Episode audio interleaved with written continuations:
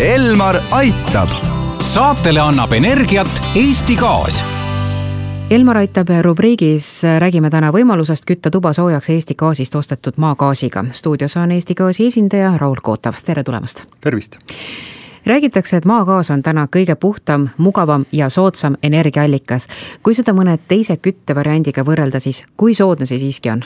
ütleme, meie põhilised konkurendid on ikkagi sama mugavusastet pakkuvad kütteliigid, see on siis ütleme õliküte, elektriküte, soojuspumbad, et, et võrreldes nende kütteviisidega on eelkõige ju vahe, vahe hinnas, et näiteks õli ja elektriga ütleme ligi kaks korda, soojuspumpadega võib-olla kuskil kümme, kakskümmend protsenti on gaas soodsam.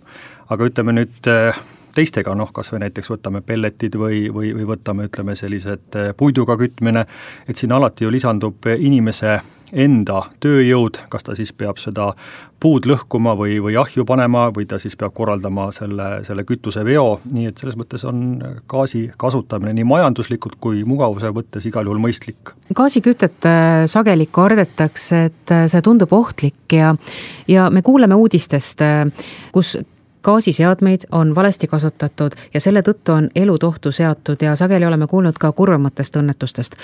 mille vastu peamiselt siis eksitakse, et ikka ja jälle me kuuleme gaasiõnnetustest? kahjuks gaasi puhul räägitakse sellest, et tegemist ei ole mitte, mitte vingugaasiga, vaid öeldakse, et tegu on gaasiõnnetusega.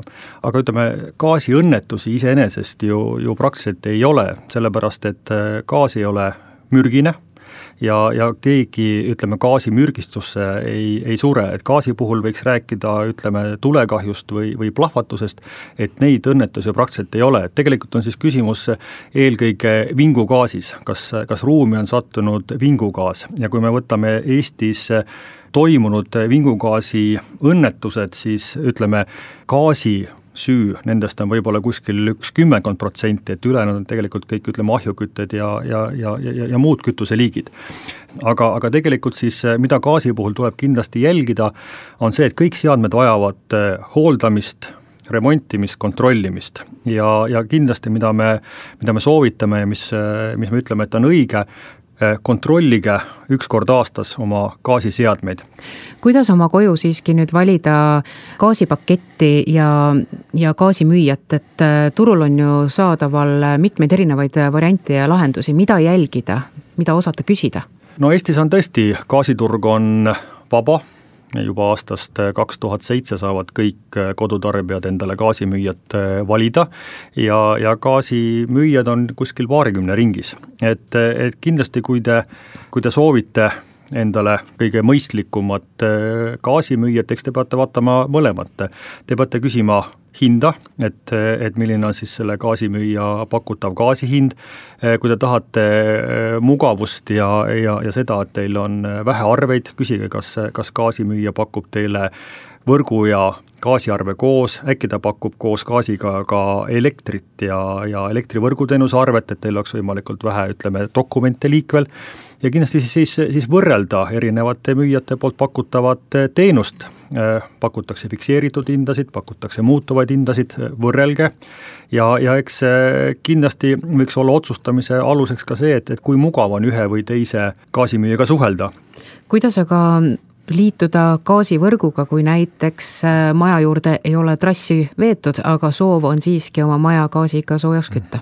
valikuid on, on mitmeid, alati võib äh, helistada kliendi toele, küsida, et teil on selline aadress, et oskate te nõu anda, me kindlasti oskame, oskame soovitada, sellepärast et esimene küsimus on kohe see, et milline võrguettevõte tegutseb teie piirkonnas, sest Eestis on, on ka võrguettevõtjad, on äh, kuskil kakskümmend viis kes siis ehitavad gaasitorustikke ja, ja pakuvad siis gaasivõrguga liitumist.